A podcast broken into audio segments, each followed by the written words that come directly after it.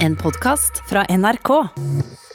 Norge satt jo med begge beina i dipshit, altså. Spionanklagene mot Frode Berg blir tema når Erna Solberg møter president Putin.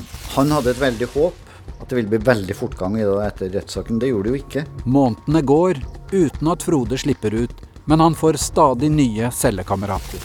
Han fikk jo fortalt meg forskjellige metoder for å få det som han vil. Det ble bruk av strykjern og loddebolter osv. Han var ikke god. Du hører på tredje og siste episode av Agent Frode Berg av Kaja Frøysa.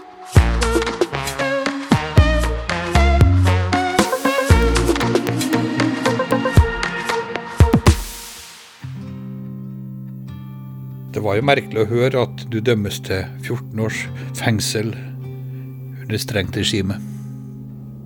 Det, det var litt merkelig å høre, men jeg var forberedt på at det kunne bli noe der omkring. Jeg var forsona med det. Men det også for meg så var det ja, jeg skal hjem en dag. Det kunne kanskje ta tid. Jeg møtte ha trua på det, for hvis jeg begynte å tenke på 14 år i et russisk fengsel Du kommer ikke ut noe mer. Er dødsdom eh, for en mann eh, som er passert 60 år. Uansett hvor sterk helse du har. Den lange dommen er et sjokk for kona Anita og hele familien. Eh, han har jo hele tida sagt at jeg må ikke høre på Altså, det blir ikke så lenge som det blir. Sånn at når han fikk den dommen, så tenkte jeg OK, ja, jeg hører hva dere sier, men jeg vet ikke. Han da såpass i et russisk fengsel? Nei. Så det var ikke tankene mine. Men altså, tida gikk. Datteren Kristina må holde motet oppe hos sine egne barn som er i tenårene. Jeg tenkte nei, det går ikke an, det her det kan ikke stemme. tenkte jeg, og jeg skal kjempe for han. Vi skal få han hjelp, og det er bare å brette opp armene og kjempe, rett og slett. Barnebarna vil også vite hva som skjer med bestefar. Da måtte jeg jo forklare at de mistenker for spionasje. Og de bare Nei, det går ikke an, liksom. Da fikk det ikke til å stemme. Hva, hva er spionasje? Så de måtte jo forklare at det jobbes med det, og ja, prøve å finne ut av det. På skolen står TV-en ofte på, og nyheter om bestefar Frode Berg er stadig vekk toppsak. For et og et halvt år siden så ble han arrestert for å ha spionert på landet, og har siden sittet i et russisk fengsel. For der går jo alt av nyheter over storskjermer på skolen, og radioene står på i klasserommene av og til. Og da fikk de jo høre det titt og ofte. Så til slutt så klarte jeg å få gjort en avtale med lærerne at når det kom noe og ungene fikk reaksjoner, så fikk de lov til å komme hjem. Så de har vært kjempeflinke der nede. De blir jo mer og mer lei seg og trist å høre om det. Det har jeg merka forskjell på dem. I hvert fall han sønnen min som har bestandig sett opp til han pappa. Barnebarnet Daniel savner bilturene sammen med bestefar. Så de har jo hatt nært forhold. Så jeg tror det er derfor han lukka seg mye inne og satt på rommet og alt det der. Men var ærlig med han og fortalte han ting når det kom ting i mediene. Både positive og negative ting. Ja. Og han tok det nok inn, inn på seg, men han ville liksom ikke prate om det. Nei.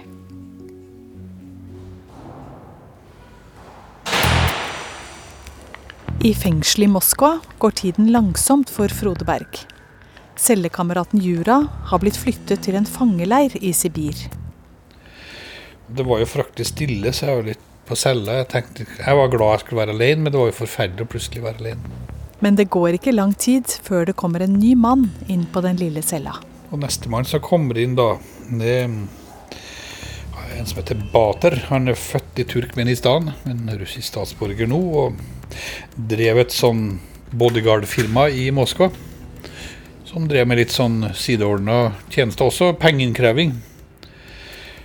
Han har eh, prøvd seg på en kar som da hadde en eh, general i FSB som sin beste venn. Og han var nødt til å dele celle, men han var ikke god. Han fikk jo fortalt meg forskjellige metoder bruk for å få det som man vil. Både ved bruk av strykejern og loddebolter. Jeg var ikke helt trygg på den mannen, for han hadde et forferdelig temperament òg. Han krevde stor plass på det lille rommet ni kvadrat. Det var hans hjem, påsto han. Liksom ikke det var mitt hjem, men han skulle både trene og be og alt mulig rart. Han sa klart ifra. Der er senga di, der blir du. Her er mitt område. I fire uker må Frode dele celle med denne mannen. Men så blir han flyttet, og Frode får enda en ny cellekamerat. Så går døra opp igjen. Og Der kommer det inn en høyere, yngre kar med skålsvart hår og det lange, svarte skjegget. Og tenkte jeg, hva er det her? Hva nå? Etter hvert så presenterte seg han Alik. Vi hadde mange rare samtaler. Rommet meget spesiell person, men det var utrolig lærerikt. ehm, Men spesielt, han er jo dømt for drap. Ja. Og IS-sympatisør. Selv om de to har forskjellig syn på det meste, finner de likevel tonen inne på den lille cella. Alik vil at Frode nå skal lære han engelsk. Det tok ikke mange dagene, for da hadde han bestilt seg fra biblioteket i fengselet. Kom det inn førsteklassepensum i engelsk. Du er læreren min. Så før jeg flytta ut, kan jeg vel si at vi kom ganske godt ut i tredjeklassepensum med engelsk, så Hjemme i Kirkenes skriver Anita små, korte meldinger til Frode for å oppmuntre han i fengselet. Jeg begynte jo med helt sånne enkle ord, og så fortalte han hvor mye det betydde for han. Og nå har jeg også begynt å si at de som han delte celle med, syntes at det var god ord, så ble det liksom til at jeg gjorde det oftere. Anita skriver ned helt enkle setninger for å hjelpe Frode til å se fremover. Tanken på å møte deg i morgen gir meg styrke i dag, for eksempel. Og det om å være optimistisk. Og dagene går, altså sant det Nå som russerne har fått dømt Frode Berg, vil de sannsynligvis bli kvitt ham så fort som mulig. Tidligere NRK-korrespondent Morten Jentoft. Deres posisjon var jo at vi har oppnådd maksimalt her. Vi har eh, tatt en nordmann, arrestert en nordmann og fått han dømt for spionasje. Han er ikke så interessant for oss lenger. Nå ligger han bare som en sånn verkebyll for forholdet med Norge. Vi har pisket nordmenn lenge nok her nå. Så nå må vi prøve å finne en eller annen løsning på saken.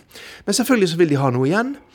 Og eh, da vurderer man jo flere muligheter sant? for å få utvekslet eh, Frode Berg med personer som Russland eh, ønsker å få tilbake igjen sant, fra Vesten. Altså folk som er arrestert, selvfølgelig først og fremst som er arrestert for spionasje, gjerne med tilknytning til eh, den russiske utenlandsetterretningen eller FSB.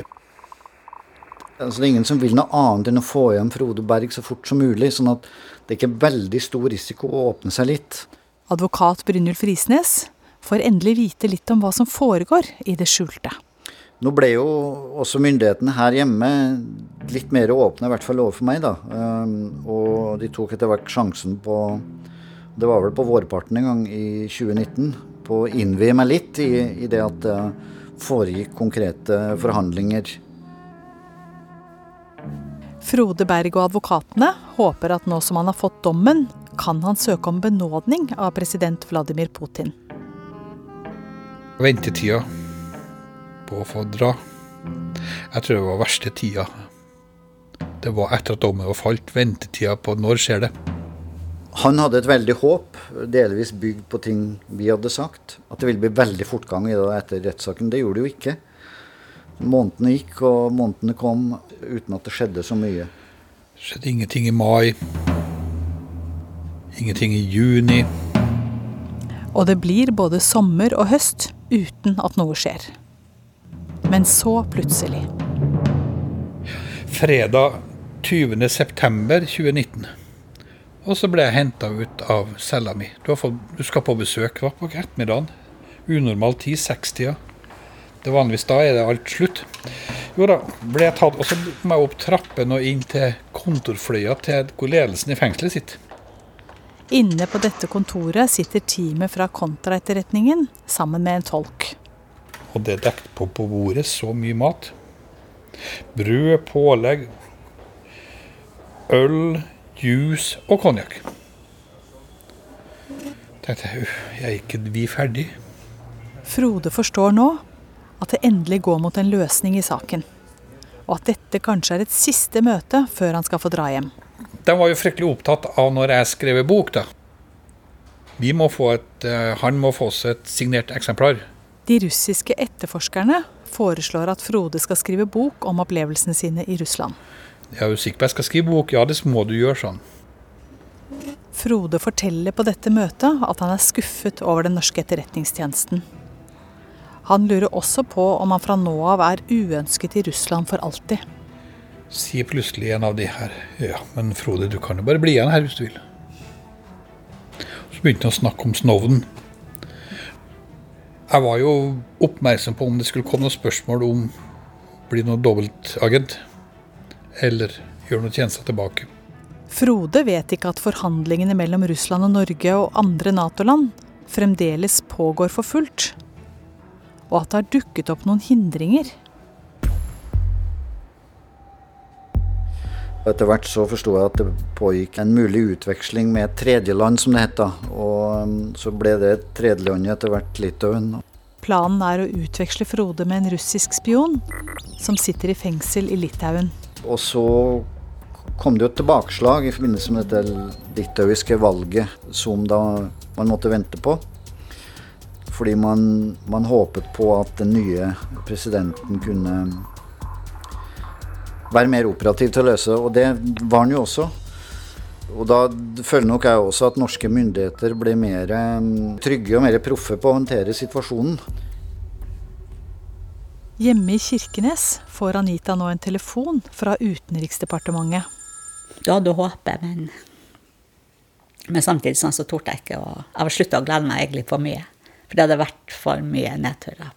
Når de ringte fra UD sant, og vi fikk beskjed om å komme ned, da skjønte jeg jo på det første møtet sånn, så kom jeg ned at nå skjer det nok ting snart. Og, eh, men det kan ta noen uker. Men vær klar hos dere. Kanskje må det snart. Da visste jeg at nå er det sant, men vi kunne jo ikke si noe. Hemmelig. Måtte tie stille om, om det. Fikk beskjed om at jeg måtte levere inn dressen på rens. Jeg kunne ikke si noe. En sen ettermiddag syv måneder etter at Frode fikk dommen på 14 års fengsel, går celledøra opp igjen. Og der står det en mann jeg aldri sett før. Svær høyresmann oberst. Så viser det seg at eh, det er sjefen i Lefortov-fengselet. Alexander Romachi, som han heter. Ja, er du klar? sa han. Vi kommer og henter deg klokka tre i natt. Og så gikk døra igjen. Nå kan han endelig pakke sammen. Etter nesten to år i russisk fangenskap. Litt klær, bøker og fengselspapirene sine. Selv om han ikke er sikker på at han kan få ta med seg de ut. Jeg pakka det godt i skoleveska mi som jeg hadde. Mine dagbøker, 800, over 800 sider som jeg hadde skrevet. Og saksdokumenter. Det hang nå rundt halsen min eh, skikkelig trygt. Det var jeg redd for. Og så ja, ble jeg vekt kvart over tre natt til fredag. 15. november. Og jeg var ganske kjapp opp. Og plutselig var jeg lys våken. På med hvitskjorte og finsko og dressen og kofferten. Og gikk ut akkurat som jeg sjekka fra et annet hotell. Jeg ville jo rydde opp og selge og legge sammen sengetøy og, og sånne ting og levere inn. Og så han skulle komme og hente meg. Nei, nei, nei. Nei, Det skulle jeg bare la ligge. Nå er det tid for å ta farvel med cellekameraten Alik, som han har delt celle med de siste fem månedene. Det gikk litt innpå når han visste at jeg kom til å bli benåda, skulle hjem. At jeg har fått en dom på 14 år, men jeg skulle hjem. Alik har også fått en lang fengselsstraff. Han har fått en dom, men han skulle ikke hjem. Så står jeg i døra. Men da så jeg tårene i øyekroken hans, og jeg fikk en god klem fra han. Han beklaga virkelig med hånda på hjertet at den har vært litt vanskelig. Så lovte han at jeg skulle kjøpe meg Koranen selv. Mens Frode tar farvel med cellekameraten sin, fortsetter spillet på høyt diplomatisk nivå. I dag tidlig ble det kjent at Litauen har benåda to russiske spioner. Kort tid etter kom meldinga fra sjefen for den russiske utenlandsetterretninga at de vil gjengjelde benådninga. Frode Berg er en brikke i denne utvekslingsavtalen med Nato-landet Litauen. Men før han kan settes fri, må han benådes av president Putin. Han fraktes ut av fengselet. Og ut i hallen da, og til ventende biler ute i bakgården. Og det var en gjeng med fotsoldater til FSB. Unggutter, ubarbert og i sivilt, som var to følge da, på hver, hver av oss i kortesje med svarte Volkswagen Caravella og rasa full fart ut av fengselsområdet. Til og med fengselsdirektøren var med, i sivilt, i dress. Vi stoppa litt utafor Moskva i 4.50 på morgenen, på, på, veien ut mot Sheremetjevo-flyplassen. Stoppa vi på McDonald's. Det var frokost. Og jeg husker så godt jeg hadde lyst på pommes frites. Og det fikk jeg. Pommes frites og kaffe. Frode skal utveksles sammen med to fanger fra Litauen. Han blir kjørt tilbake til flyplassen han kom til med en minnebrikke og 3000 euro i bagasjen for nesten to år siden. Denne gangen går turen fra Moskva til grensebyen Kaliningrad.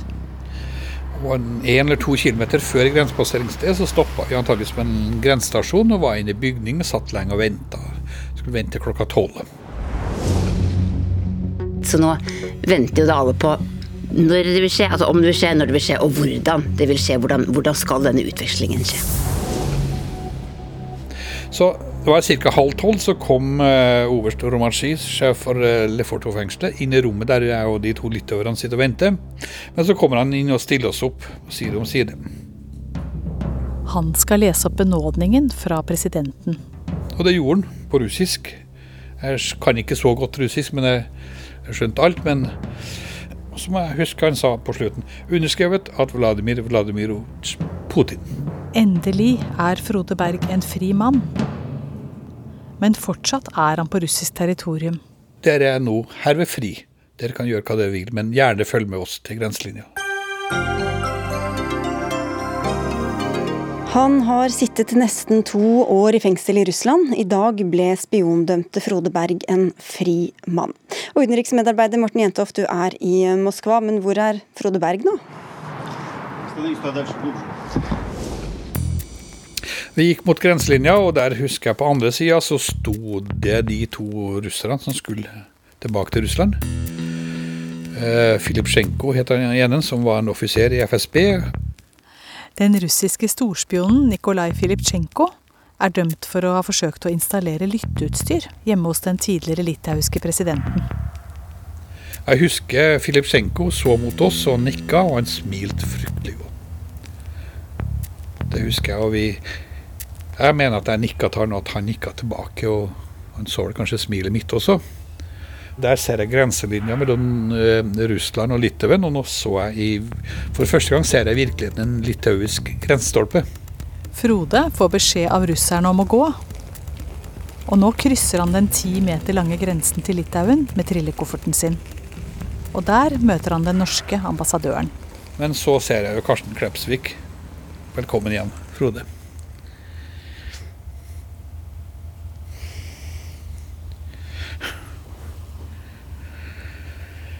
Da gikk det vel endelig opp for meg. Eh, ikke det, hva skal jeg si Men da tenkte jeg oi, nå er jeg plutselig nå har det virkelig skjedd. Og så sier Karsten Klepsvik at velkommen igjen, Frode, du er nå frimann. Du bestemmer alt nå.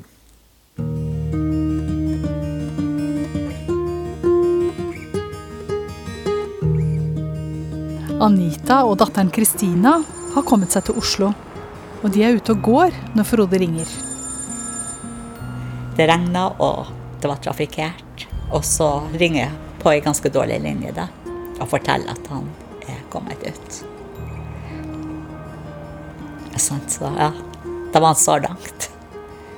Mye av det klarer du ikke å huske, for så mye skjedde. Og det er sånn at vi måtte i ettertid finne ut hvor var vi når vi fikk beskjeden. Ting gikk så fort, eh, samtidig som du gikk og venta. Så får jeg beskjed om at eh, statsministeren vil ringe meg. Nå stopper jeg litt. Oi, det ble plutselig litt sterkt, det her. Og så er det ikke minst da at Erna Solberg vil prate med Frode Berg. Så jeg husker faktisk ikke ordene, så mye av det som ble sagt, men hun var jo også pratevillig, og jeg skjønte at det her har vært stort. Jeg er jo glad for å kunne fortelle at eh, Frode Berg er nå en fri mann. Frode sender en hilsen til alle som følger saken hans hjemme i Norge. Hei, da er jeg endelig ut av Russland etter to års ufrivillig opphold i Lefortovo-fengselet i Moskva. Jeg har for tiden på en trygg plass i Litauen for å roe ned, slappe av og komme til hekta. Etter et døgns hvile i Litauen kan Frode gå om bord i privatflyet som skal ta ham igjen til Norge. Men eh, vi lander på Gardermoen på kvelden. Taxi på en mørklagt taxibane og mørklagt fly bort til en eller annen hangar. For å skjerme Frode den første tiden er det ingen utenforstående som skal vite at flyet fra Vilnius har landet på Gardermoen. Jeg går fra at det er på militært område. Og taxi inn i hangaren. Hangardøren går igjen. Så får vi lov å åpne vinduene og se ut. Og... Frode er den første som går ut og ned trappa. Han blir tatt imot av UD og Forsvarsdepartementet, som forteller at han skal få erstatning. Få en kompensasjon på fire millioner for det jeg har vært utsatt for. Han får fire millioner kroner i erstatning av den norske stat. Men regjeringsadvokat Fredrik Sejersted sier at det ikke betyr at norske myndigheter innrømmer noe skyld for det Frode Berg har vært utsatt for. Nei, det betyr det ikke. Den avtalen betyr ingen stillingstagen til noen side ved saken. Uh, og dette er forhold som verken bekreftes eller avkreftes. Uh, det denne avtalen er, det er en kompensasjon for de prøvelsene han har vært utsatt for, som man har kommet til etter en helhetsvurdering. Nå vet jeg at det er tatt ut fra satser for folk som er i utenlandstjeneste, som har hatt ubehagelig vært i fangenskap i krig, eller så er det to millioner per år. Og det har akseptert vi. I tillegg får han 300 000 kroner for å dekke utgiftene han og familien har hatt i løpet av disse to årene. Men pengene kan allikevel ikke erstatte det som jeg og familien har vært utsatt for. Og nå får Anita og Kristina endelig møte han på et hemmelig sted på Østlandet. Det var veldig rart da han kom inn gjennom døra og sa liksom Oi, der er du. Eh, det tror jeg takket være Det var ikke så mange telefonsamtaler, men at vi fikk prata litt. Eh, de meldingene fikk sendt hverandre. Og der møtte jeg Anita og Kristina igjen.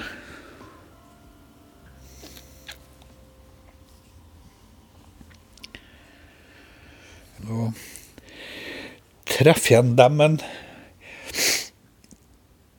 det ble faktisk et møte, akkurat som jeg har vært borte bare i tre dager. Hei, der er du, sier Anita.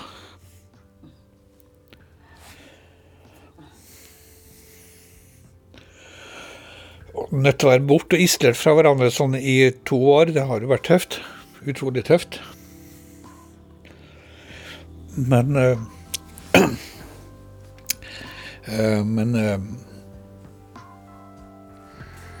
Når jeg ser på det bildet som ble tatt ut av oss, så ser jeg at vi er ganske prega begge to.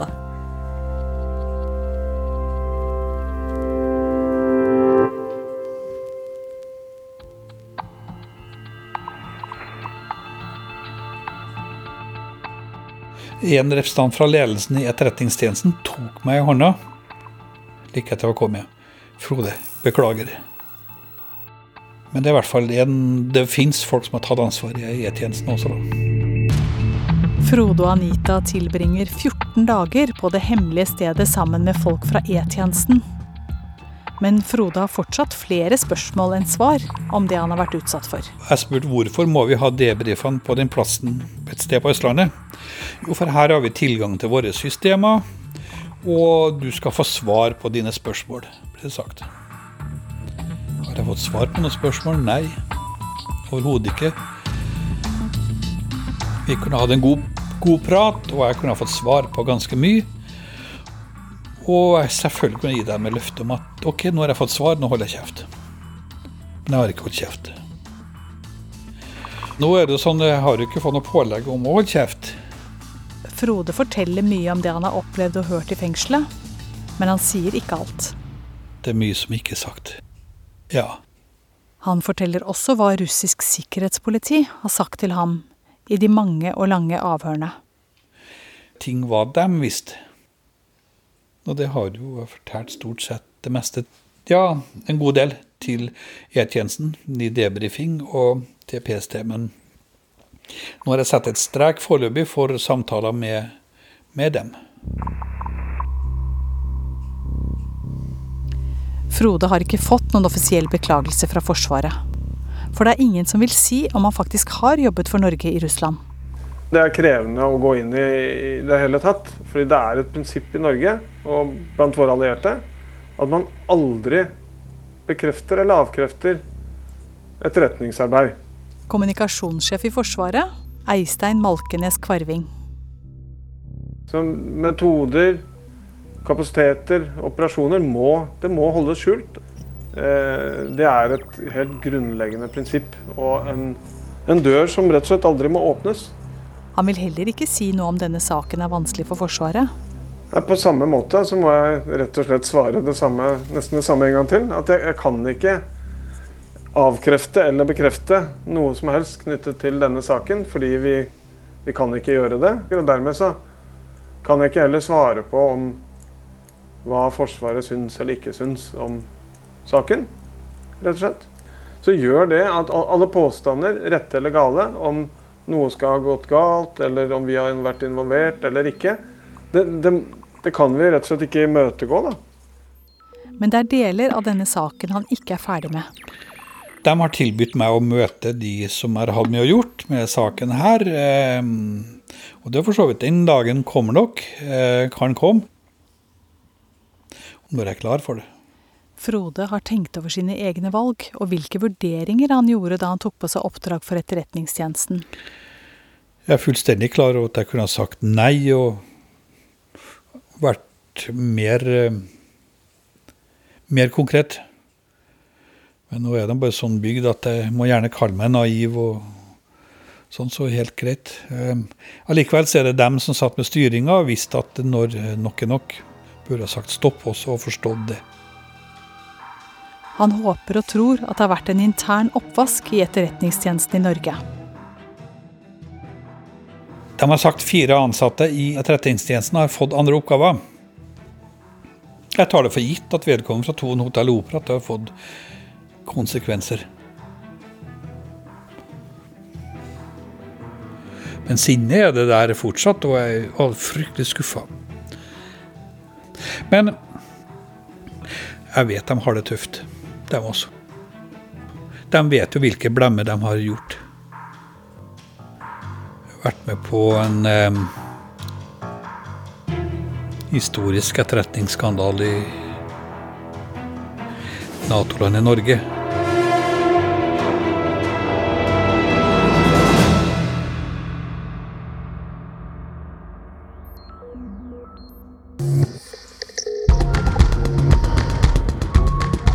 Dette var tredje og siste episode i serien Agent Frode Berg, laget av Kaja Frøysa.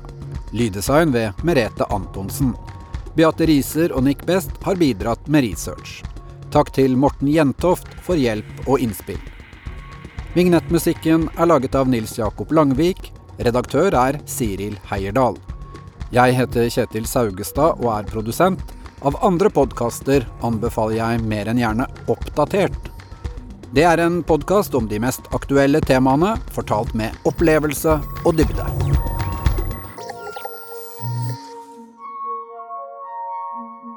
Du har hørt en podkast fra NRK.